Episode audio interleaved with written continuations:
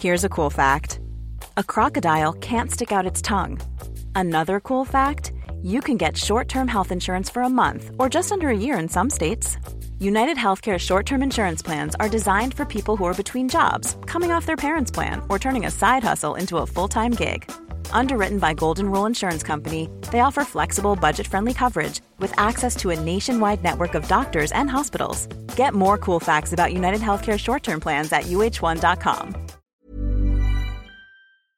Hormoner är en naturlig och livsnödvändig del av kroppen. Ändå finns det en stor okunskap kring hormoner och vi märker att många inte känner till hur menscykeln eller olika preventivmetoder fungerar. Den här okunskapen kan skapa en rädsla för hormonbehandlingar eller hormonella preventivmetoder och också göra det svårt att veta om och när man ska söka vård för mensrelaterade besvär. Hormoner diskuteras ofta i media, men ibland saknas en vetenskaplig grund för informationen och osanningar och myter sprids och får fäste. Vi på Babys podcast tror att kunskap kring kroppen och dess funktioner bidrar till en stärkt självbild och ett ökat välmående hos kvinnor. Det är ju just därför vi gör den här podden. Kunskap är makt helt enkelt. Därför vill vi tipsa om en hemsida där du kan få den vetenskapligt grundade fakta du behöver och förtjänar. Hormonguiden.se är ett initiativ av Gedeon Richter och är en hemsida framtagen i syfte att öka kvinnors kunskap om hormoner. Som barnmorska och gynekolog gillar vi verkligen den tydliga informationen med bra bilder, strukturerad genomgång av menscykel och preventivmedel. Gör dig själv en tjänst och skaffa dig mer kunskap om din kropp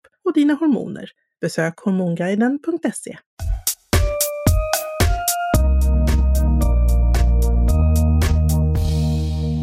det händer mycket saker med kroppen när vi är gravida, ja, det har ni säkert märkt. Förutom det här rent uppenbara att eh, magen växer och bysten växer, så är det massa annat också. Att eh, man blir svullen om benen eller andfådd eller får hjärtklappning.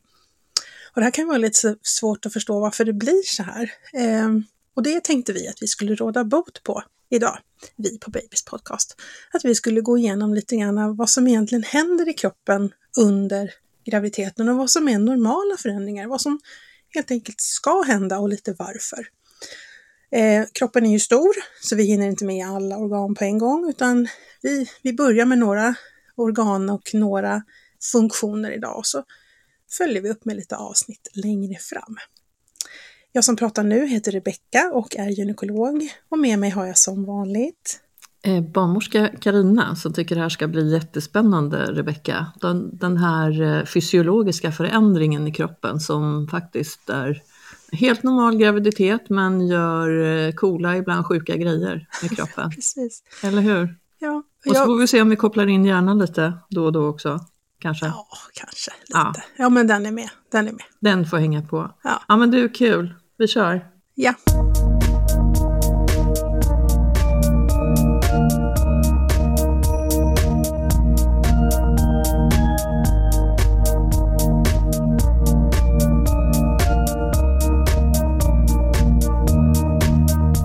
Ja men Rebecka, vad är det som händer då? Vad tänker vi först på? Vad ska vi skylla allt och mycket på?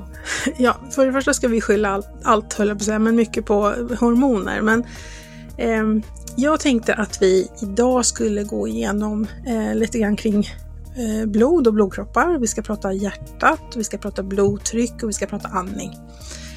Så kommer vi göra avsnitt lite senare som då, där vi pratar mer om urinvägar och mage-tarm och sen så ska naturligtvis livmodern och ehm, vår könsorgan få ett helt eget avsnitt eftersom vi tycker att det är de coolaste organen. Eller hur Carina? Mm, ja men absolut, ja. absolut. Nej men det här är spännande som attan tycker jag. Ja. Den här omställningen som ändå är i våra olika system. Mm. Ja, de kan du jättemycket om. Du föreläser om dem också, till och med det. Men precis, jag Ja, men föreläser inte bara ju- här tänker jag nu då. Nej, inte bara här. Nej. Utan Eh, jag föreläser ju på barnmorskeutbildningarna i Stockholm. Om flera olika ämnen, men bland annat då om det här med graviditetsfysiologi. Och det, det är faktiskt den föreläsning där jag tycker att studenterna ser gladast ut. Det är liksom, då börjar det bli lite roligt. Och jag brukar ha mycket patientfall och vi liksom ja, diskuterar och eh, liksom klurar mycket så här, kan det här vara normalt? Är det här fysiologiskt? Eller är det här inte normalt? Är det patologiskt? Så det här brukar vara en ganska rolig föreläsning.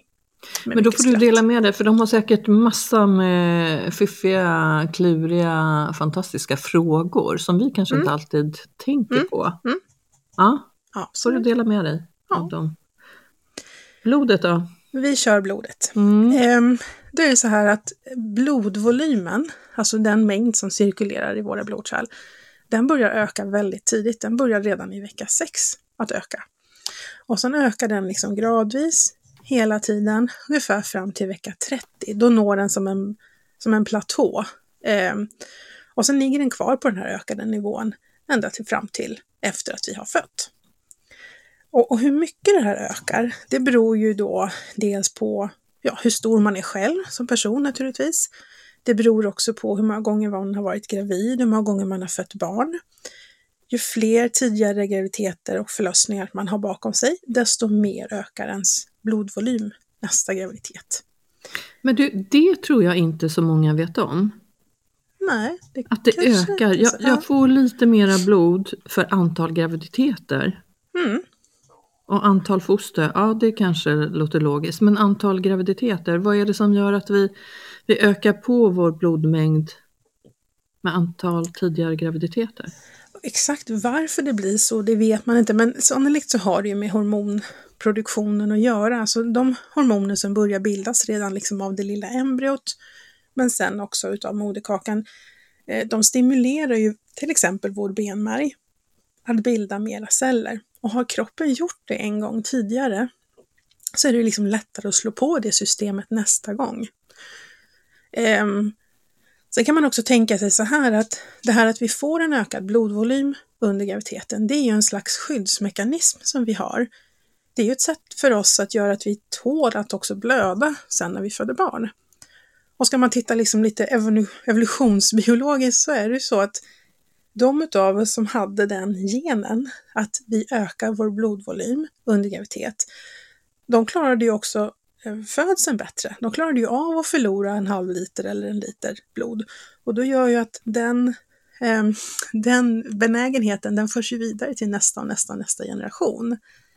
Eh, De som inte kunde öka sin blodvolym och då alltså inte klarade blödningen vid födseln, ja men de kanske bara fick ett, ett eller två barn.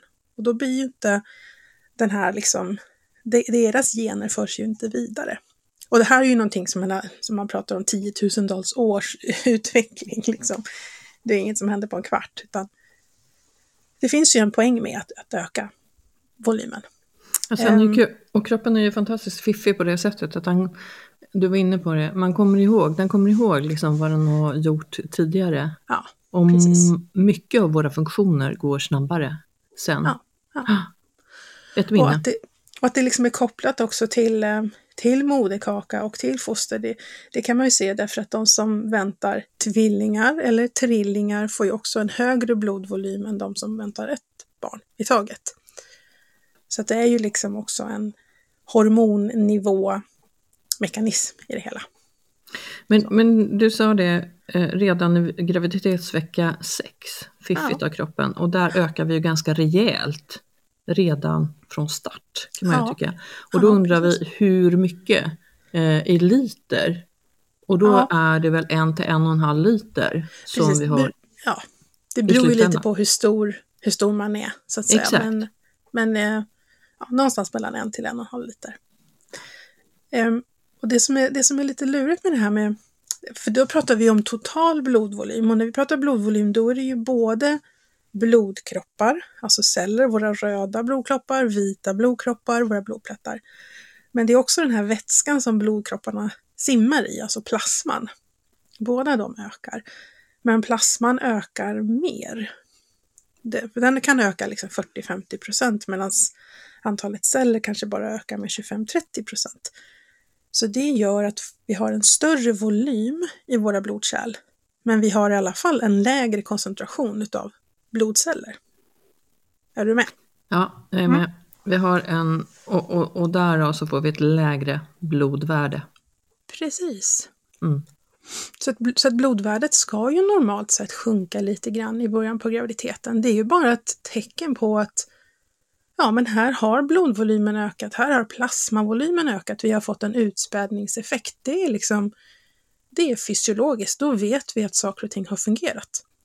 Så det behöver man inte alls bli så orolig för om man, ja, om man nu vet att man brukar ha ett HB-värde på 130.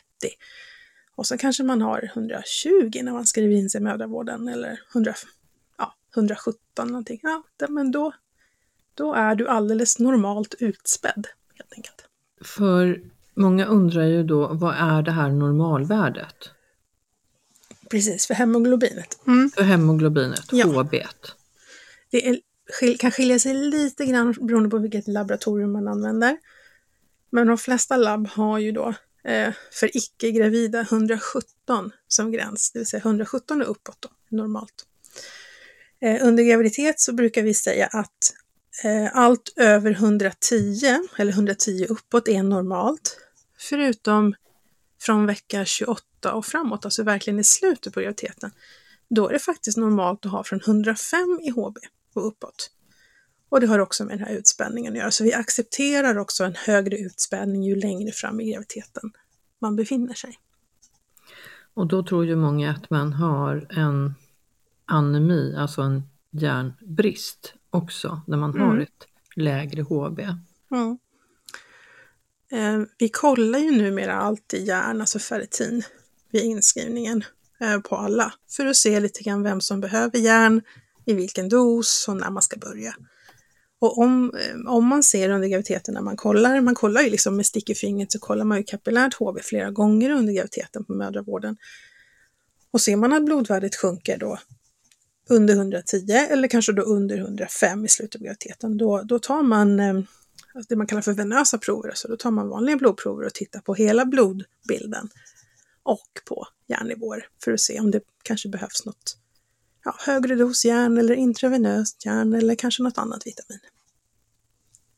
Men du, när vi är inne på järn, eh, som vi har varit ett antal gånger, mm. rekommenderar du alla gravida från början att ta, börja med järntabletter?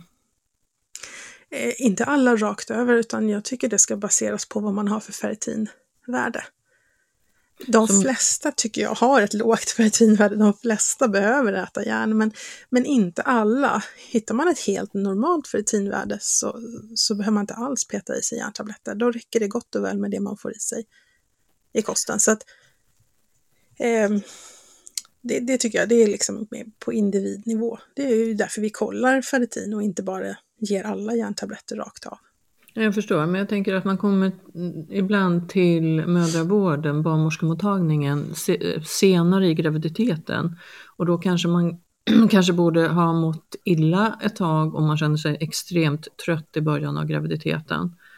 Eh, och eh, kanske skulle behöva lite extra järn. Det är inte fel att börja och själv medicinera. Mm. Ja, alltså där tänker jag, du säger att man kommer senare, men, man har ju ändå en inskrivning oavsett om du skriver in det i vecka 6-7 eller om du skriver in det i vecka 15-16 så tar vi ju alltid samma prover. Vi tar ju ferritinvärde på alla när de skriver in sig. Mm. Så du tycker att det räcker? Ja, men det tycker jag. Mm. För, där sätter Då vi får liksom, vi ett svar. Där sätter vi grunden. Ska vi mm. starta mm. nu eller inte? Och sen fortsätter vi att följa hemoglobinvärdet och sjunker det så kollar vi ju om. Ferritinet ferritin. Ja. Mm. Det är ju så att järn, järnmedicin har ju också en del magbiverkningar. Plus att man inte ska ta för mycket heller. Så att jag skulle nog inte vilja säga liksom att alla bara rakt av ska äta en järntablett per dag. Det tycker jag inte, utan då ska man veta först om man verkligen behöver det eller inte. Mm. Som, som med allt annat. Som med det mesta. Ja. ja. Jag frågar därför att jag får frågan många gånger mm. själv från gravida. Så jag tänkte jag ställer den till proffset Rebecka Kaplan Sturk. Mm. Eh, yes. Men, men när vi nu är inne på det där med att HB då, eller hemoglobinet eh, sjunker. Ehm, eh, då, om man till exempel då tar blodprover, eh, om vi tar det man kallar för blodstatus, då får vi inte bara röda blodkroppar utan då får vi också vita blodkroppar och vi får blodplättar och vi får också olika mått på hur stora de röda blodkropparna är. Eh, om någon någon gång har tittat på sin labblista, om de har tagit prover under graviditet, så kan man ju ofta säga att det är rätt mycket så här små stjärnor eh, som då indikerar att det här provsvaret ligger utanför referensområdet eller normalområdet. Eh, och det allra vanligaste då det är att det är en liten stjärna på LPK som då är de vita blodkropparna. Och det ska det vara. Det behöver inte alls betyda att det är en infektion utan vita blodkroppar det stiger hos alla gravida. Eh, så att det ska stiga rätt rejält för att vi ska tänka att det är en infektion eller inflammation. Eh, upp till åtminstone 15 eh, i värde. Och då kanske man normalt sett ligger på max 8 i vita blodkroppar när man inte är gravid. Så att nästan dubblerat kan det vara utan att det på något sätt betyder att det är något konstigt. Men du, då måste jag eh, få säga en sak. Eh, de här labbproverna, de tar inte hänsyn till graviditeten i sig. Nej. Nej. Och det, där känner jag att vi är lite efterblivna. Eh, Ja. Eller Ja. hur? Ja, Men när man tar prover, och man, då, då skulle man ju göra om referensvärdena så att det är anpassat till den gravida. För annars så dyker ju det du kallade stjärnor upp på, Mm. på nästan varje prov. Därför att det här är till en person som, eh, som är eh, icke-gravid. ja precis. Så. Jag menar, man ser ju ofta att det blir en liten stjärna på vita blodkroppar och det kan bli det på snabbsänkan eller CRP som nästan alltid stiger och vanlig sänka stiger. Eh, njurfunktionsvärdet och kreatinin, det brukar snarast då sjunka, så får man en liten stjärna för att det är för lågt istället. Och menar, vi som jobbar, alltså vi som är liksom förlossningsläkare eller mödravårdsläkare, vi får ju liksom en slags inre referens i, i huvudet när vi liksom ser de här proverna och kan sortera vad som är normalt och inte normalt. Men det vore jättebra om det fanns att man kunde liksom kryssa i en ruta på labbproverna och så fick man referenser för gravida. Men problemet är att det, man har inte tagit fram några riktigt bra referensgränser för gravida. De, eh, det är väl lite dåligt undersökt kan jag tycka, lite dåligt studerat. Det är lite spret i de, i de studier som är gjorda. Så det finns liksom inga riktigt bra eh, referensområden. Och dessutom blir det ju komplicerat av att det är inte säkert att vi har samma referensområden i graviditetsvecka 6 eller i 16 eller 26 eller 36. Så då ska vi liksom ha olika referensområden för olika delar av graviditeten. Att det kan bli lite rörigt och svårt det också. Ja, fast ingen rocket science ändå känner jag när vi kan ta oss till månen och... Det är kvantfysik. Ja, vi måste, ja. Men, nej, men jag, jag tänker mer att vi, är, vi har koll på våra eh, journaler och eh, labbvärden och sånt idag som, som gravida och som alla andra också för den delen. Och när vi ser det här då kan det ju, då kan det ju verka så som att jag inte är riktigt frisk i och med Mm. att jag har, Mm. är utanför de här referensvärdena. Så att därav så ett önskemål från mitt håll och från många andra att vi eh, ja, blir lite bättre på det här. Ja, framtidsönskemål, Ja, men labblistor med referensområden för olika graviditetsveckor. Ja, Mm, vi får se. ja vi får se. Ja. Men du, det finns ju mycket bra med den här eh, ökade blodvolymen. Eh, Har vi några nackdelar? Ja, alltså nackdelarna kan ju bli det att vi har ju då en större volym eh, som då ska pumpas runt i kroppen. Och de röda blodkropparnas uppgift är ju att föra syre, eller syrgas, från våra lungor och ut till alla våra celler. Och under graviditet så har vi ju dels liksom mer kropp i oss själva som vi ska försörja. Eh, livmodern är större till exempel och brösten är större. Eh, men vi har ju också en person till som vi ska försörja med syre. Eh, och det här gör ju då att inte bara det att vi måste ha mer röda blodkroppar utan de måste också snurra fler varv per minut i kroppen för att verkligen liksom tillgodose det här syrebehovet. Ehm, och det här gör ju då att eh, vårt hjärta måste också slå lite fler slag per minut för att få runt allt det här blodet och måste också slå lite hårdare, det vill säga för varje gång hjärtat drar ihop sig och pumpar ut liksom blod i våra artärer så måste hjärtat liksom krama åt ännu lite hårdare än vad det gör för att få ut en större volym. Så att fler slag och lite liksom hårdare slag. Och det här känner många av väldigt tidigt. Att, ja, dels att hjärtat slår snabbare men också kan kännas att det slår hårdare. Det är en jättevanlig fråga tidigt i graviditeten på mödravården. Jag har fått liksom högre puls och det känns som att hjärtat slår så hårt. Och det, jag menar, om inte pulsen är liksom skyhög så, så är det ju liksom normalt och fysiologiskt att det slår lite snabbare. Men du, det är ju inte så lite, man pratar om hjärtats slagvolym som ökar med upp till 40 procent. Eh, ja, alltså man, man, brukar ju prata om eh, Alltså ofta pratar man ju om liksom, eh, att man pratar om hjärtfrekvensen och så pratar man om slagvolymen. Och så multiplicerar man dem, då får man det man kallar för cardiac output, alltså hur mycket blod kan hjärtat pumpa ut eh, per minut och den ökar med ungefär 50 procent. Så hjärt, hjärtrytmen med kanske 25 och slagvolymen med kanske 30.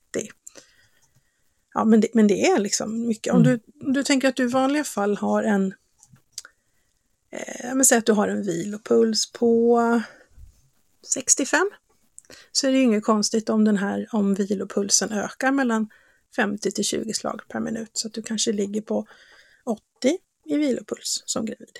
Det är helt normalt och det sker redan i vecka 5 så det är ju liksom supertidigt. Ja, men det är ju inte så konstigt när man tittar då på att vi har ökat vår eh, blodvolym mm. redan så tidigt. Med ganska, som vi sa förut, mm, ja, med, med typ 40 procent. Ja, och sen också att vi har ett mycket större syrebehov under graviditet till våra egna vävnader men också då till, till fostret. Så det är klart, jag menar, i vecka fem har väl inte fostret ett jättestort syrebehov när det bara är någon millimeter långt, men, men senare i graviditeten så, så har det ett jättestort Och sen kroppen förbereder sig och de mm. det är ju stora förändringar under graviditet. Alltså vi säger att en graviditet är ju helt normal. Men som jag sa inledningsvis, det händer ju liksom sjuka och också coola grejer med kroppen mm. Mm. i det här fysiologiska. Precis. Ja, hur funkar hjärtat annars då? Ja, vet du att hjärtat faktiskt flyttar på sig lite grann under graviditet? Mm. Mm. Det är det... väl också magiskt? Ja, och det är ju, det är ju egentligen mer ren mekanik kan man säga. När livmodern växer så trycker den ju diafragmamuskeln uppåt. Och diafragmamuskeln är ju den som skiljer bröstkorgen från buken. Och när den trycks uppåt då kommer hjärtat att liksom flyttas lite uppåt och lite åt vänster. Så det får liksom en annan vinkel. Och sen blir hjärtat lite större också. Ungefär 12 procent större. Det, det, kan man faktiskt se om man tittar på en lungröntgenbild på gravida. Då ser man väldigt tydligt att hjärtat har en annan vinkel, att det lutar mer åt vänster och att det är lite större. Och vad är det som gör storleken? Storleken är ju, dels är det en kombination, alltså framförallt så är det ju att, att man får en större kapacitet, det vill säga att, att um, hjärtat ska ju liksom, hjärtats förmak och kammare ska ju rymma en större volym med blod för att kunna pumpa en större volym med blod varje minut. Så det är ju framförallt en, en vidgning utav hjärtats rum som gör att hjärtat i, i sin helhet blir större. Precis, så det anpassar sig på ett eh, ja. fantastiskt sätt. En flexibel muskel som mm. jobbar hela tiden. Mm. Eh, Eh, och då, om man då tänker den här ökade pulsen, hjärtat slår hårdare, hjärtat slår fortare eh, och det pumpas ut mer blod varje minut. Eh, det, vi vet ju det här att, liksom att puls och sånt också kan påverka vårt, vårt blodtryck. Och normalt sett under graviditet så ska blodtrycket antingen vara helt oförändrat, det vill säga vi behåller samma blodtryck som vi alltid har, eller att det sjunker. Ehm, vi har hela tiden i våra blodkärl ett slags motstånd. Man tänker sig blodkärlens väggar som ett, liksom, ja, ett gummiband. Det, de är liksom elastiska. Och det finns ett visst motstånd och det är framförallt det som styr vad vi har för blodtryck. Liksom blodtryck. Vad har vi för resistens för motstånd i blodkärlen? Och det här motståndet det sjunker under graviditet också på grund av, av eh, hormonella faktorer. Det är progesteron som gör att det sjunker, det här motståndet. Och då får vi liksom lite mer eftergivliga blodkärl Och då behöver inte hjärtat liksom, ha inte samma motstånd och mottryck utifrån kroppen och då sjunker blodtrycket. Så att ha, norm, liksom, ligga kvar på samma nivå eller sjunka, det är det normala under graviditeten. Och det här följer man ju på varje besök hos barnmorskan så följer man ju eh, blodtrycket eh, ja. som HB oftast. Och det vi är ute efter när vi kollar blodtryck i mödravården är ju faktiskt att vi vill fånga dem vars blodtryck stiger. För det ska ju i så fall eh, ja, ibland behandlas men ibland bara följas. Liksom, om man får ett högt blodtryck eller om det är en liksom, början till havandeskapsförgiftning. Så vi letar ju efter de höga blodtrycken. Eh, men vi ser ju mycket oftare de som, som har lågt blodtryck och kanske känner av det. Man blir yr i huvudet eller eh, ja, framförallt om man reser sig för snabbt, att man känner att liksom, det kan svartna lite för ögonen. Så det är ju, det tycker jag är nästan ett större bekymmer, kanske första halvan av graviditeten, att blodtrycket är för lågt och att det blir jobbigt. Och hur, hur behandlar du dem eller vad ger du för tips och råd? Mm. Det, alltså det är inte helt lätt att höja ett lågt blodtryck. Eh, framförallt inte under graviditet, för man kan inte ge vis, liksom, vilka läkemedel som helst, utan då får man istället eh, Eh, dels kan man försöka öka motståndet ute i kroppen och det kan man till exempel göra med hjälp av stödstrumpor.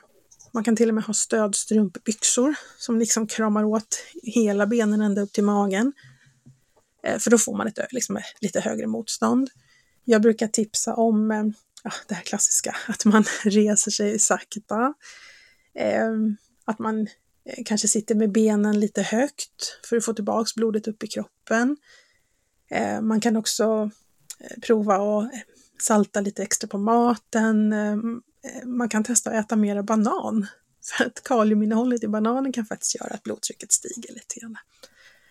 Men ibland blir det så ohållbart och eländigt att, att man faktiskt får sjukskriva gravida för att blodtrycket är för lågt. Det är väl inte jättevanligt, men några gånger har jag gjort det. Ja, det kan bli ganska påtagligt för vissa med, med den här yrseln. Ja. Sen liksom pendla med benen upp och gå, få igång cirkulationen och, och de så kallade venpumparna också. Mm. Vifta med tårna. Ja, exakt. Precis.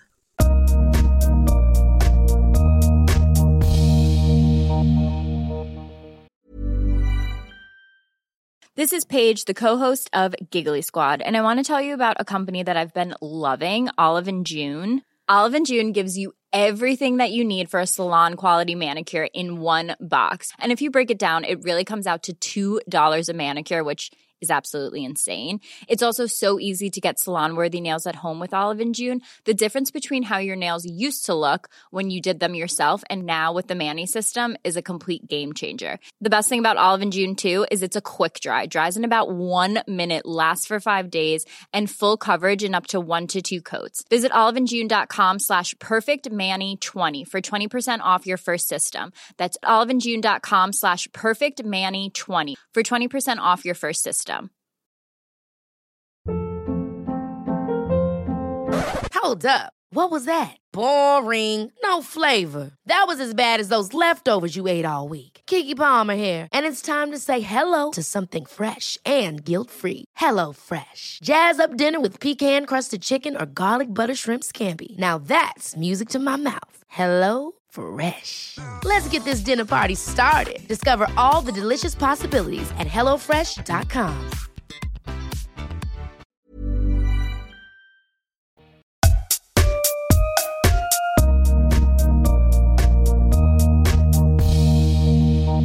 Apropå det här med stödstrumpor och vifta med tårna och blodkärl i ben. Um, när vi kommer liksom mer mot slutet av, av graviditeten, då, då kan man mäta Eh, man kan faktiskt, om man mäter liksom trycket i blodkärlen, framförallt i venerna, så ser man att det här trycket i venerna att det ökar. Ehm, och det, och det, här beror på att när livmodern växer så kommer den att trycka på blodkärlen inne i buken och i ljumskarna.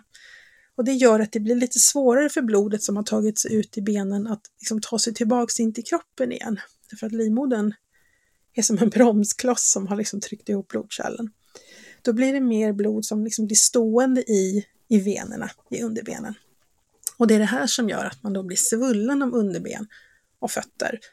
För blir det för mycket vätska i venerna, då kommer vätskan att tränga ut ur kärlväggarna och så ut i vävnaden istället. Och då kan man ibland när man liksom har stått eller gått en hel dag och så tar man av sig strumporna på kvällen, då kan man ju ha som en grop där själva strumpkanten har suttit.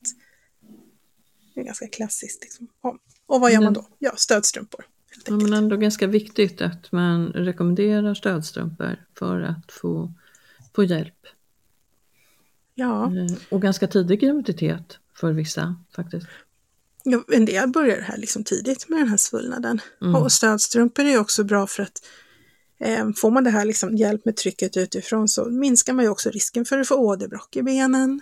Eh, har man ökad risk att få blodproppar till exempel i benen så kan man minska den risken genom att ha stödstrumpor. Så det, det kan man absolut börja med tidigt. Och framförallt till dig som sitter långa sträckor i bil eller ute och flyger eller åker buss, tåg, vad det kan handla om. Mm. Eh, för dig är det extra, extra viktigt att du eh, försöker röra på dig emellanåt men också använda dig av stödstrumpor. Enda gången det är riktigt jobbigt med stödstrumpor är ju på sommaren när det, när det är varmt. Eh, då är det liksom en utmaning att ha på sig de där men, men jag tänker ändå att det är klokt att försöka rulla på sig de där stödstrumporna på morgonen även när det är 30 grader varmt ute för att det är ju när det är så här varmt då sväller man ju ännu mera. Så då behöver man ju stödstrumpor mm, ännu mer. Mm. Ja, hjärtat och eh, hur den pumpar runt och gör oss svullna och men det har ju som sagt en funktion, allt det här. Vad har du mer eh, i det fysiologiska om hjärtat? Eh, ja, jag tänkte, eh, väldigt nära hjärtat sitter ju lungorna. Jag tänker att mm. det hänger ju också ihop, för jag pratade om det här med att eh, hjärtat ska pumpa runt de röda blodkropparna som bär på syrgas. Och var kommer nog den syrgasen ifrån? Jo, den har vi ju andats in. Så jag tänkte att vi skulle prata lite om vad som händer med våra andningsvägar under graviditeten. För vi är ju oftast andfådda. Ja, precis. Ja. Och nästäppta. Och nästäppta ja. också. Yes. Precis. Hänger um, ihop. Det hänger ihop. Det, om man tänker, om vi börjar med det här med nästäppan så är det så att som jag sa, alla, alla blodkärl blir ju lite liksom avslappnade under graviditet. Det gäller både stora blodkärl och små blodkärl.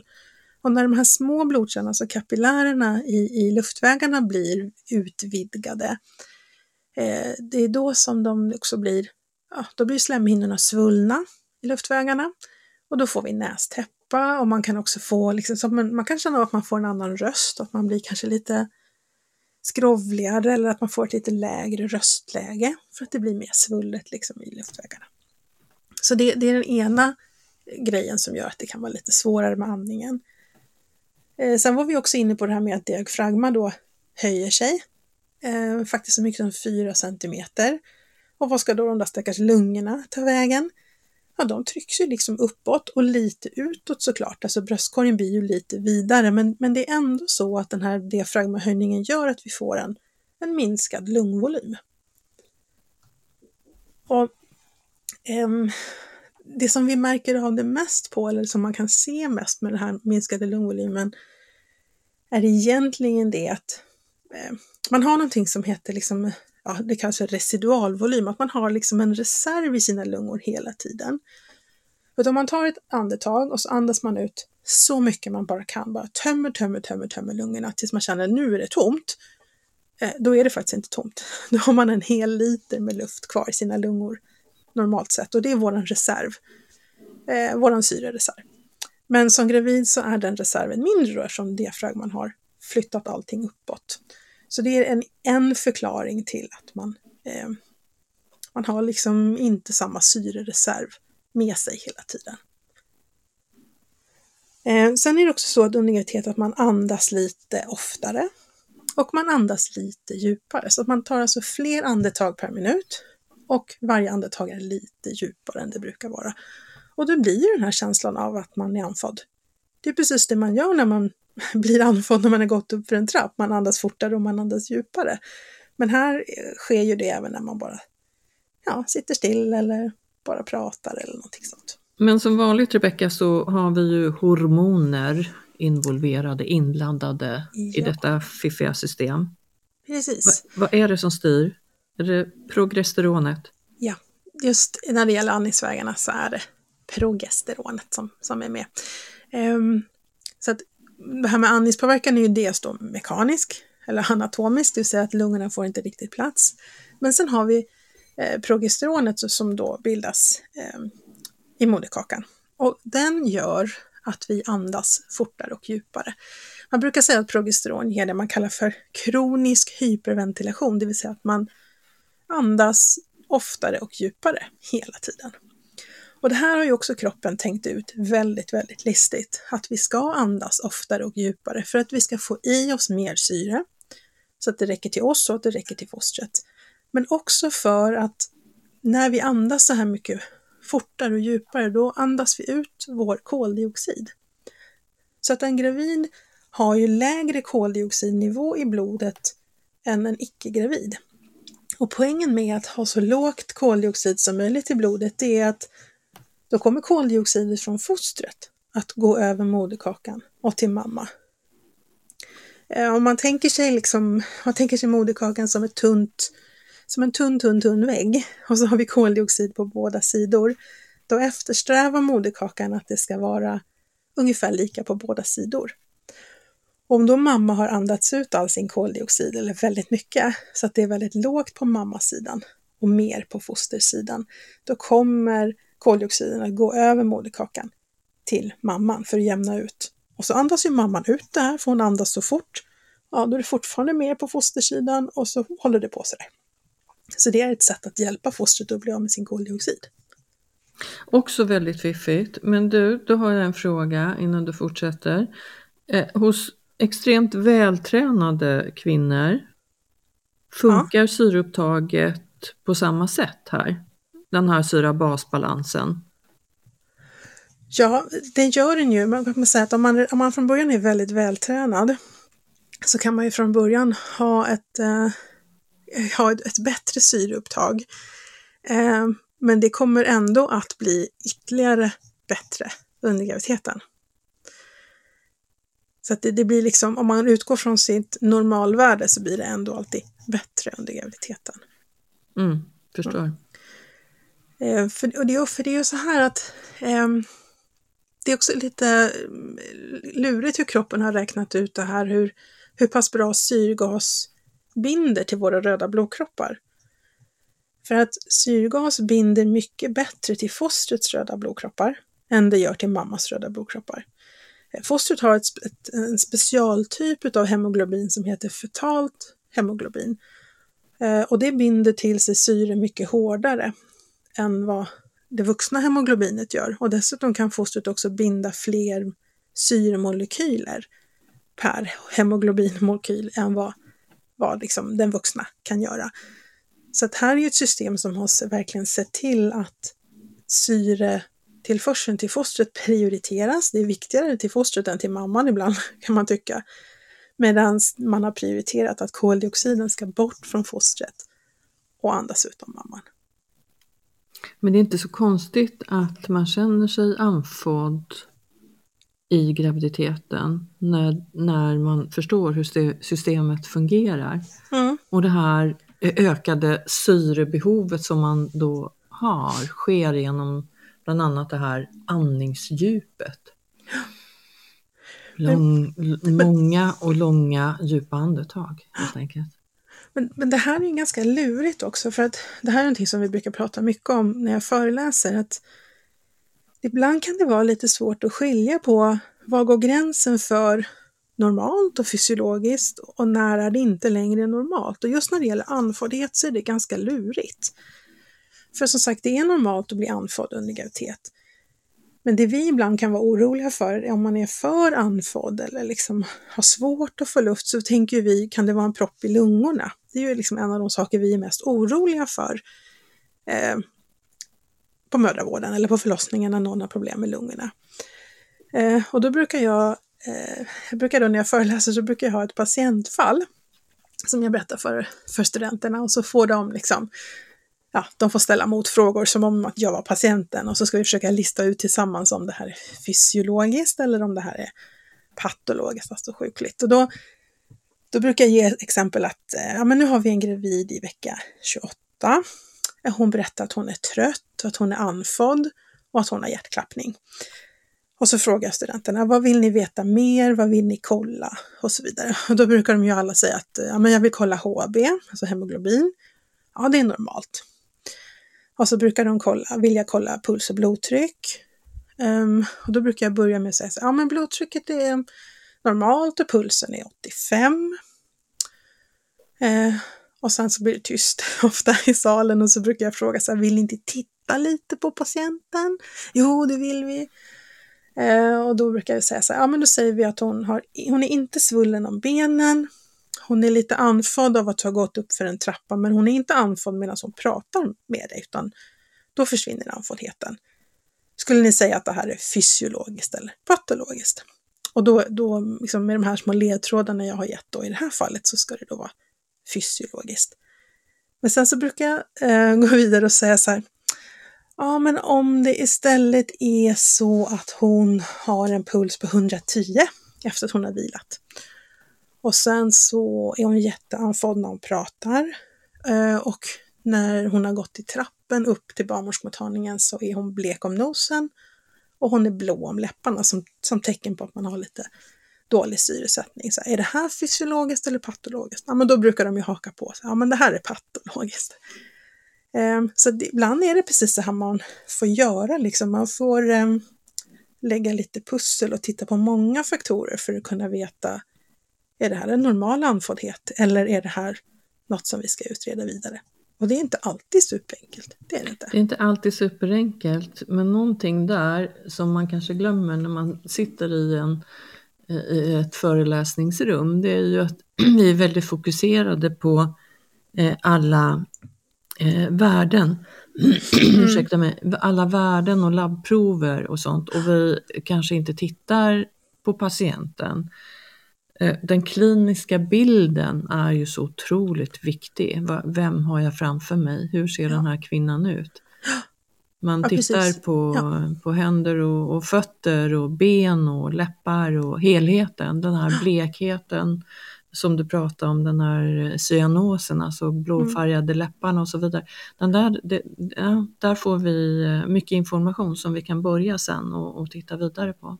Precis. Och det är ju någonting som också kommer med, kommer med erfarenhet.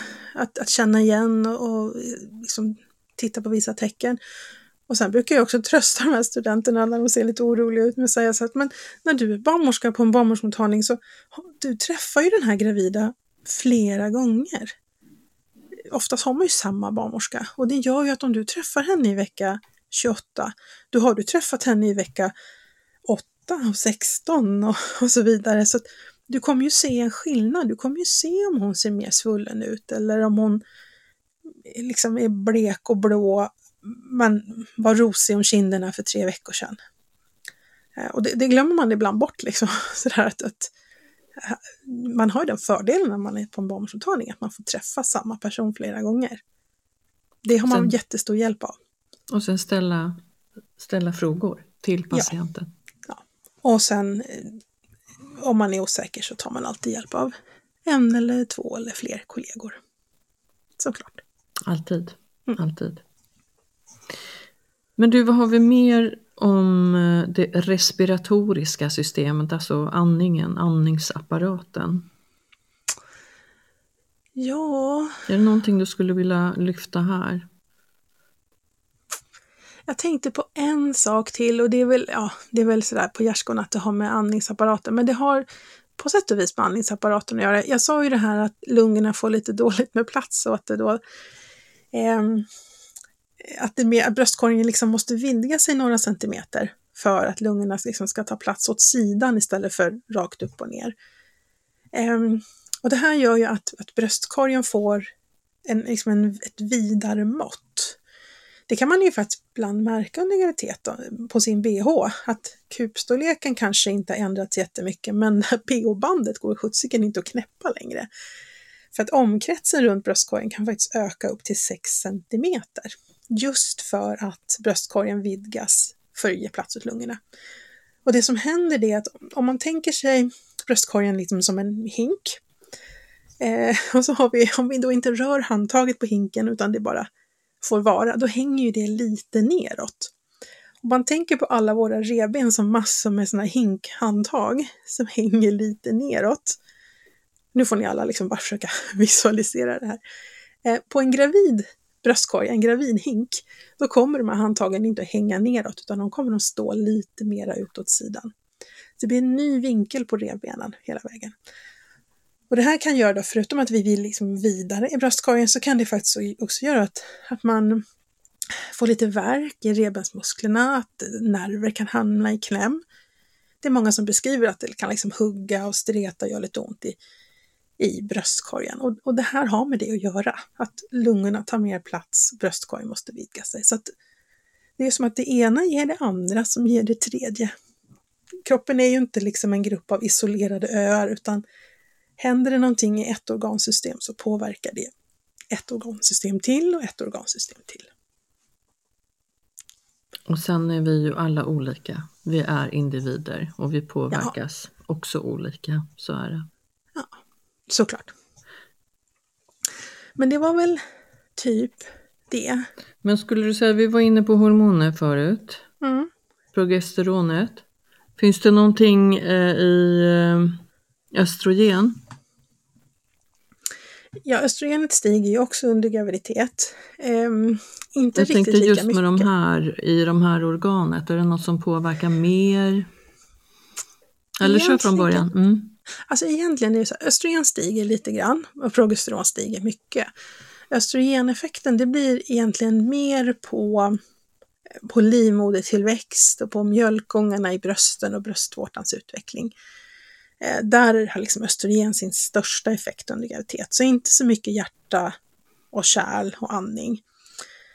Eh, men en viss effekt kan man, eh, om man tänker liksom på blodtryck och hjärta och kärl, östrogen gör att vi samlar på oss lite mer vätska, att Exakt. vi inte kissar ut den utan att vi binder den. Så att östrogeneffekten kan ju också bidra till det här att man blir svullen om händer och fötter eller sväller lite i ansiktet. Så att, ehm, så att det kan ju påverka man tänker liksom den här svullnadstendensen i alla fall, men, men inte så mycket det här med hjärtat, liksom antal slag per minut eller hur fort vi andas eller så vidare, utan det, det är mer en progesteroneffekt. Men du, har du andra, vi pratade om att när du undervisar eh, vårdpersonal, olika kategorier, hade du någon mer fiffig, klurig fråga som du brukar få därifrån?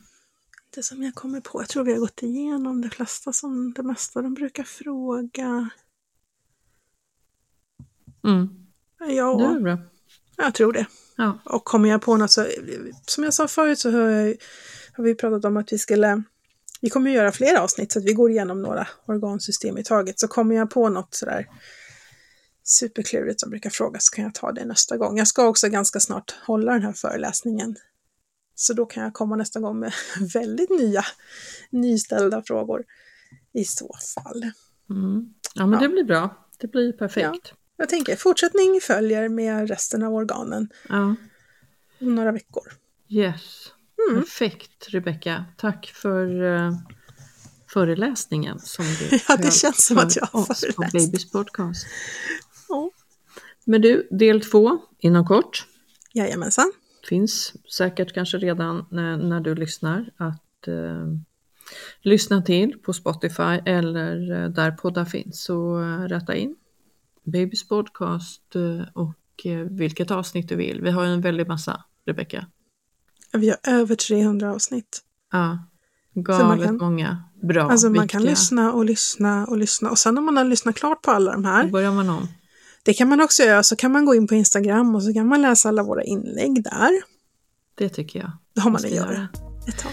Ja. Att man följer oss och kanske att du till och med tipsar en eller flera vänner om att följa oss. Vi vill eh, folkbilda, vi vill eh, utvecklas själva, utveckla er där ute. Vi vet att vi har många av vårdpersonal, vilket vi är jätteglada och nöjda över och eh, så många av er där ute som vill önska bli gravida, ni som är gravida, som precis har fått barn, ja men egentligen hela spannet med kvinnohälsa.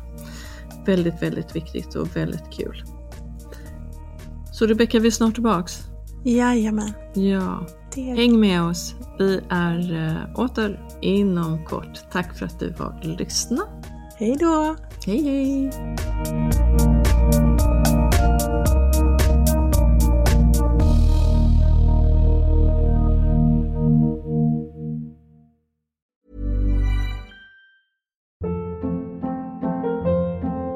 Hold up. What was that? Boring. No flavor. That was as bad as those leftovers you ate all week. Kiki Palmer here, and it's time to say hello to something fresh and guilt-free. Hello Fresh. Jazz up dinner with pecan-crusted chicken or garlic butter shrimp scampi. Now that's music to my mouth. Hello Fresh. Let's get this dinner party started. Discover all the delicious possibilities at hellofresh.com.